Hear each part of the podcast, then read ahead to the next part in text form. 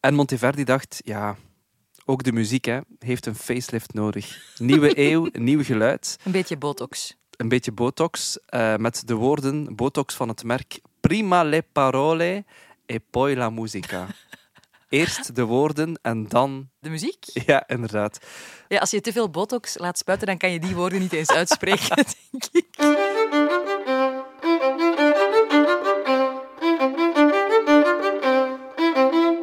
En Clara de Dekker is hier weer. Dag Clara. Dag Sander de Keren. Moeten wij elkaar terug met achternaam aanspreken? Het is uit beleefdheid, het is uit sympathie. mooi, mooi. Maar je moet wel je achternaam gebruiken als je solliciteert. Wanneer is de laatste keer dat jij gesolliciteerd hebt? Dat is eigenlijk al heel lang geleden, denk ik. Ik heb gesolliciteerd voor een stageplaats. Mhm. Uh, ooit hier bij Clara. En kijk, hier zit ik nog. En ik heb ook wel voor een paar studentenjobs gesolliciteerd. Ik heb in een paar klerenwinkels gewerkt, maar dat was eigenlijk gewoon mijn cv afgeven en, het was in orde. Waarom? Dus je, je hebt eigenlijk veel geluk gehad. Uh, ja, ja. Maar je hebt ook talent, hè, Clara? dat heb ik niet gezegd. Maar ja, wel wat geluk gehad, ja. Ja, er zijn ook mensen die veel meer moeite moeten doen om aan een job te geraken. En dat brengt ons bij de muziek waar ik het vandaag heel graag over wil hebben. Het is de mooiste sollicitatiebrief uit de muziekgeschiedenis.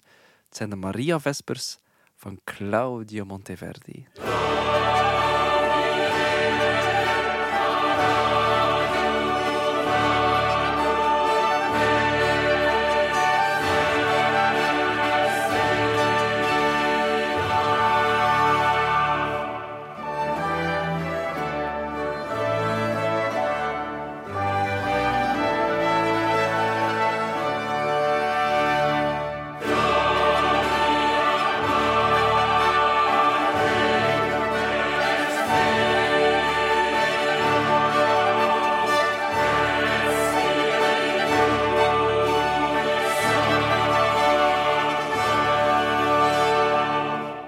Ja, wauw. Wat een sollicitatiebrief. Fantastisch. Ja, als er iemand zo komt solliciteren, die neem je dan toch onmiddellijk aan. Dat zou je denken. Maar helaas, zo gemakkelijk is het niet gegaan voor Claudio Monteverdi.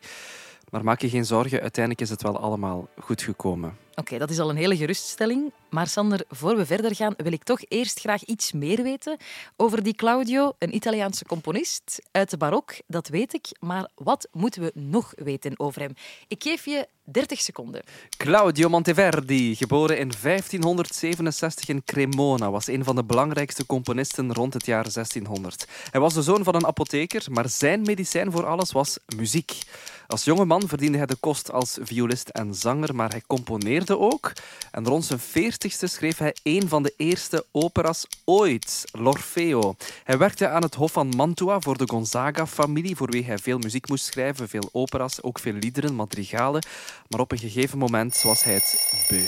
Wat een cliffhanger, Sander. Wat was hij beu? Volgende aflevering. nee, nee, nu. Zijn job in Mantua was hij eigenlijk beu. Hij wilde een beter leven, een beter job. En daarvoor moest hij dus die sollicitatiebrief schrijven. Ja, hij wilde de job der jobs van een componist. En daarvoor moest hij in Rome zijn, componeren voor de paus. En daarvoor schreef hij zijn muzikale sollicitatiebrief, de Maria Vespers.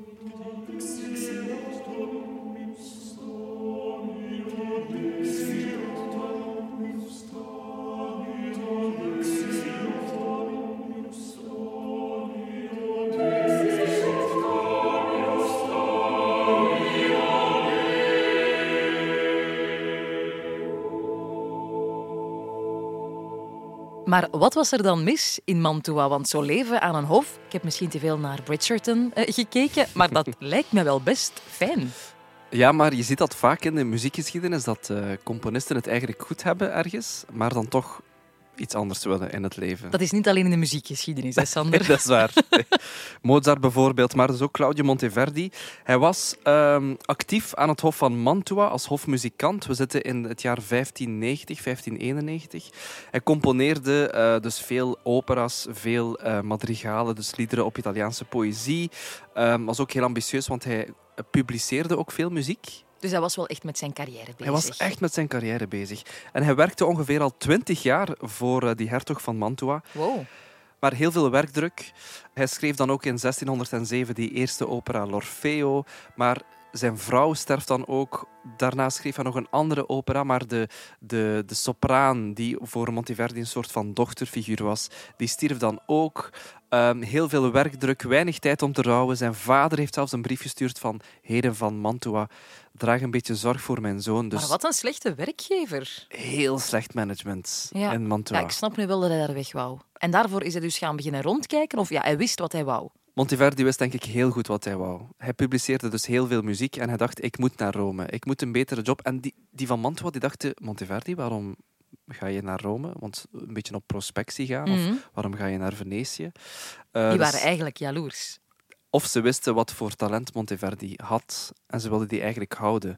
Maar Monteverdi is dus gaan solliciteren. Het probleem was in Rome, als je voor de paus wilde schrijven, had je natuurlijk ook religieuze muziek nodig. Mhm. En Monteverdi had vooral veel opera's geschreven over mythologische figuren, zoals Orpheus, l'Orfeo, die dus zijn geliefde gaat halen uit de onderwereld. Dat is geen religieus thema. Eh, ook veel liederen op die poëzie. En dus dacht Monteverdi, ah, wacht. eh, muziek Hij had eigenlijk de- een portfolio nodig. Ja, en religieuze muziek ontbrak toch nog een beetje. En toen dacht hij, ah, de paus. Ah ja, muziek over Maria. De Maria Vespers.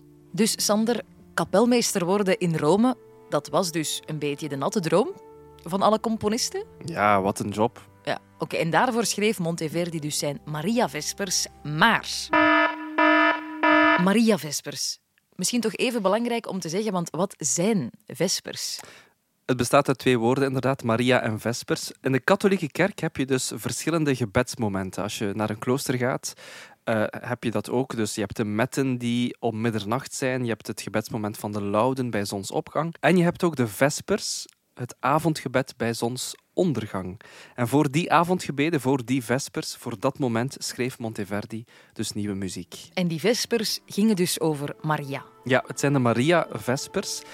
Waarom Maria? Het gaat over moeder Maria. En Maria was in de katholieke kerk het geheime wapen voor de contra-reformatie. De Zit- mascotte een beetje. Ja, contra-reformatie zit misschien een beetje ver van... Denk je? Bij mij ook hoor. Ehm, dus we zitten in het jaar 1610, in die periode, nieuwe eeuw. Hè? Contra-reformatie betekent tegen de reformatie, tegen de hervorming. Dus Mhm. de katholieke kerk voelde concurrentie van de protestanten, van mensen die anders begonnen na te denken over het geloof. Ehm, en dus was er een marketingcampagne nodig om mensen terug naar de katholieke kerk te krijgen. We zitten in dus de jaren 1600, begin de jaren 1600. In de schilderkunst, Ja, Rubens bijvoorbeeld, toch? daar zie je toch de mooiste tafereelen over Christus. Mhm. In Rome, de grootste basiliek, of ja, het monument van de katholieke kerk. De Sint-Pietersbasiliek in Rome, dat is gewoon een tsunami aan, aan visuele prikkels. Dus ook misschien weer om volk naar daar te lokken. Ja, ook die periode.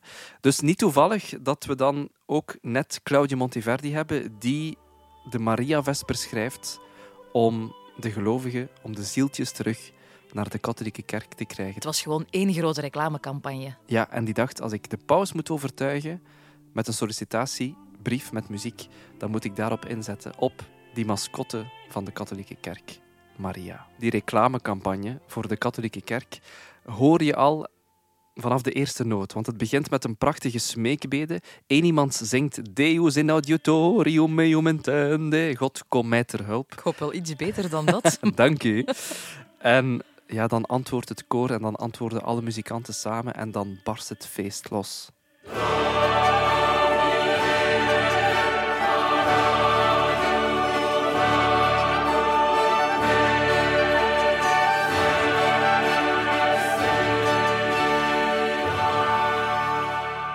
Dit klinkt bijna als een opera. Theatraal, hè? Ja, dramatisch ook. Eigenlijk is dit muziek die je niet in de kerk verwacht. Nee, totaal niet. Nee. Maar het was een nieuw genre, de opera. Dus Monteverdi was een van de eersten Mhm. die eh opera's schreef. En we zitten dus ook aan het begin van de nieuwe eeuw. We zitten begin de jaren 1600. Er was kei veel aan het veranderen. Dus eerst en vooral die campagne van de katholieke kerk tegen de protestanten Mhm. was die periode.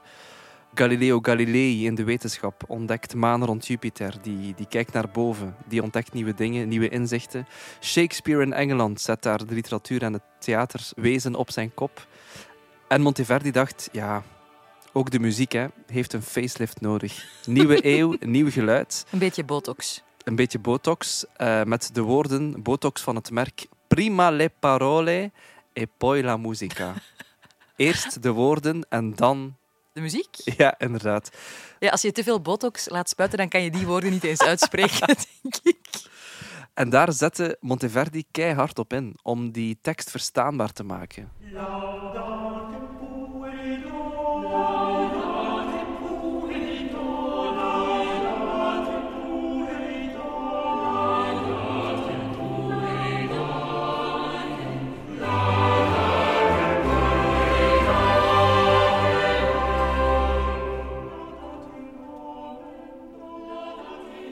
Maar je zegt dat deze muziek zo vernieuwend is.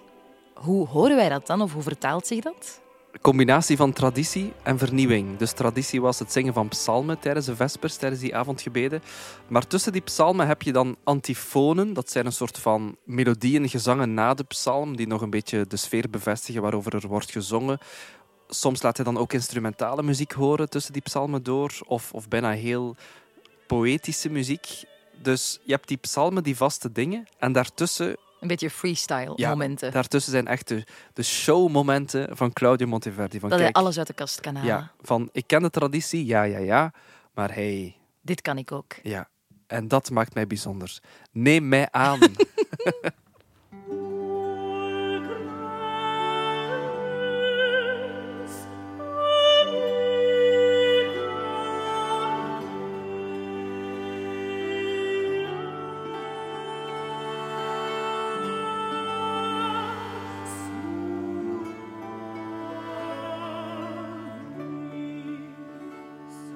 Wist zichzelf wel te verkopen. Hè. Dit ook weer is, is bijna een opera-aria.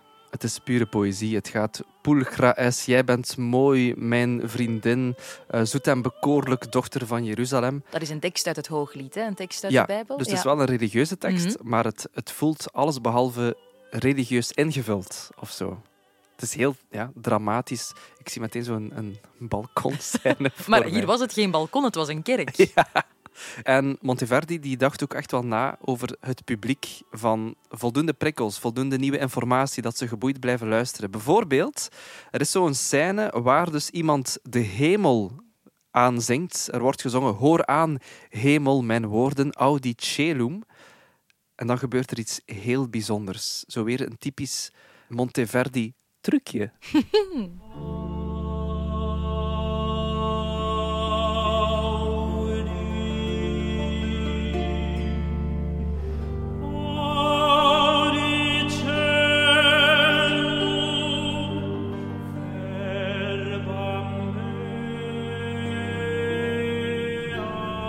super duidelijk, hè? Die tekst, audi celum verba mea. Hoor aan hemel, mijn woorden, verba mea. Plena, vol. Desiderio, verlangen.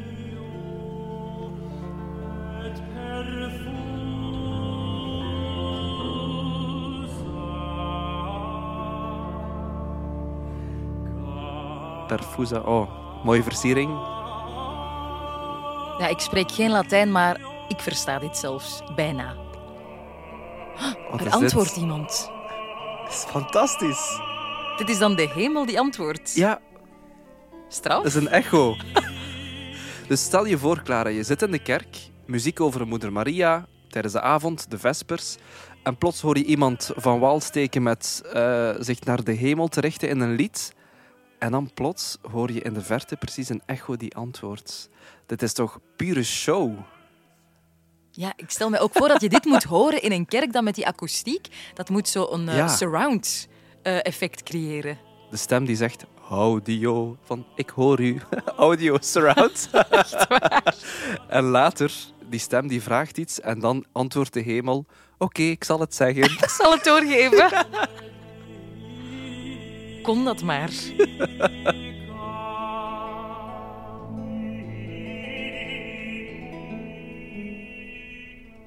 Ja, het is mooi, maar het is nog mooier, vind ik, nu ik dit allemaal weet. Want het is wel muziek Ja. die toch een handleiding vraagt. Want vroeger was het heel vernieuwend en het zit vol trucjes, zoals je zegt. Maar als je die niet kent, Hmm. dan luister je ernaar en dan mis je ook heel veel, vind ik. Dat is het moeilijke bij oude muziek soms. Omdat we heel veel dingen niet weten. Ja, maar dat maakt het ook interessant. En zeker als je weet, ah, die psalmen zijn de vaste ingrediënten. De bedoeling was voor Maria, die vespers, die avondgebeden. En daartussen laat Monteverdi een beetje zijn eigen theatrale ik horen. Mhm. En als je dan weet hoe hij die tekst gebruikt om, om ja, dramatische effecten uit te werken. Maar Sander, het belangrijkste weten we nog niet eens. Heeft hij die job nu gekregen of niet? Hmm, nee. Nee. Nee, de paus sloeg die avances af. Maar Monteverdi is niet bij de pakken blijven zitten. Na Dus zo'n sollicitatie. ik, snap echt. het, ik snap het ook niet. Oké. nee. Monteverdi is wel drie jaar later beginnen werken, ook op een mooie plek, niet in Rome, maar in Venetië, in de San Marco-basiliek. Ah, oké. Ben je daar ooit al geweest? Ja. Mooie tweede prijs, denk ik. Ja, supermooie plek. Mhm. Eh, nu vol toeristen. Maar stel je voor dat er daar dus een viering was. Monteverdi had de sleutels van de poort, schreef voor die basiliek al de muziek. Oh, want ik dacht dat je ging zeggen, hij was de conciërge. Goeiedag. en in die San Marco-basiliek heb je dus ook zo verschillende plateaus. Hè? Dan toch op zijn minst. Buongiorno.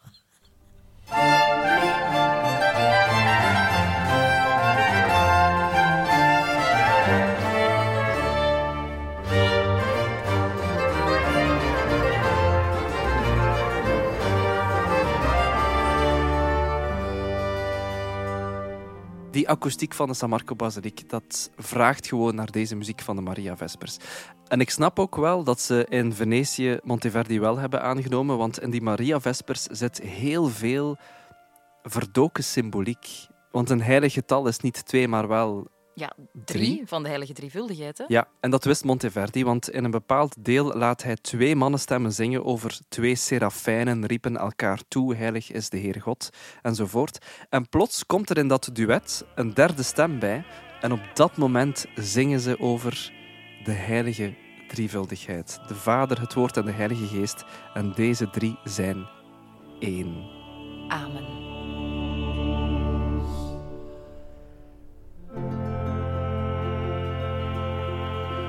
Het hit tres unum sunt en deze drie zijn één.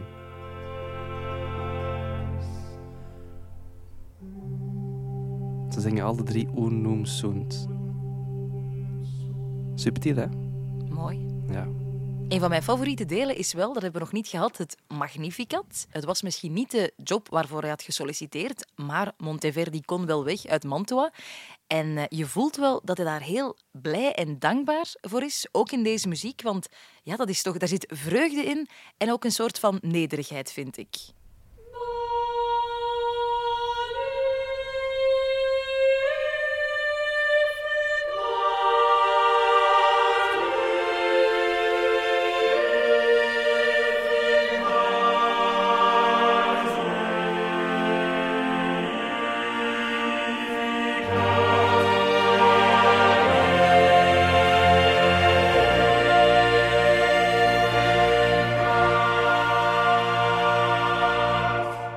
Moet wel zeggen, als ik nu nog eens ga solliciteren, dan ligt de lat wel heel erg hoog.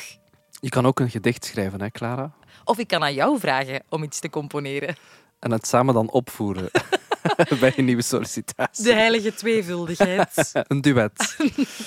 het is een goede sollicitatiebrief, maar toch ook eentje met veel eh, gaatjes in. Met veel vragen. Met veel vragen. Waar is het allemaal uitgevoerd? Hoeveel muzikanten hebben het uitgevoerd? Eh, welke instrumenten? Want soms is Monteverdi heel specifiek over de instrumentenkeuze. Bij andere passages is hij daar heel vrij in. Eh, het is ook niet allemaal in één keer geschreven. Het is een soort van samenraapsel Mhm. van ideeën over de jaren. Dus ja, de Maria Vespers. Bestaan die wel? Ja. Ja. En dat is ook wel het interessante net. ja. En wat ik ook wel vind, is dat deze muziek nog altijd vrij populair is, want ze wordt nog vaak uitgevoerd.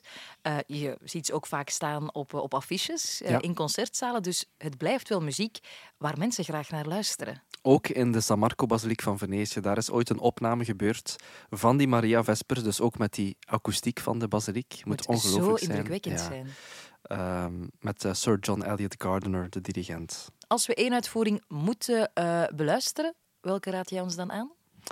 We zouden kunnen gaan voor eh, een uitvoering van bij ons, Philippe Herwegen met Collegium Vocale Gent. Maar ook een heel nieuwe uitvoering is door Ensemble Pygmalion, onder leiding van Raphaël Pichon. Een jonge dirigent. Jonge dirigent die ook wel het motto van Monteverdi indachtig houdt. Prima le parole e poi... La musica! Want die woorden komen daar zo mooi uit in die versie door uh, Raphaël Pichon.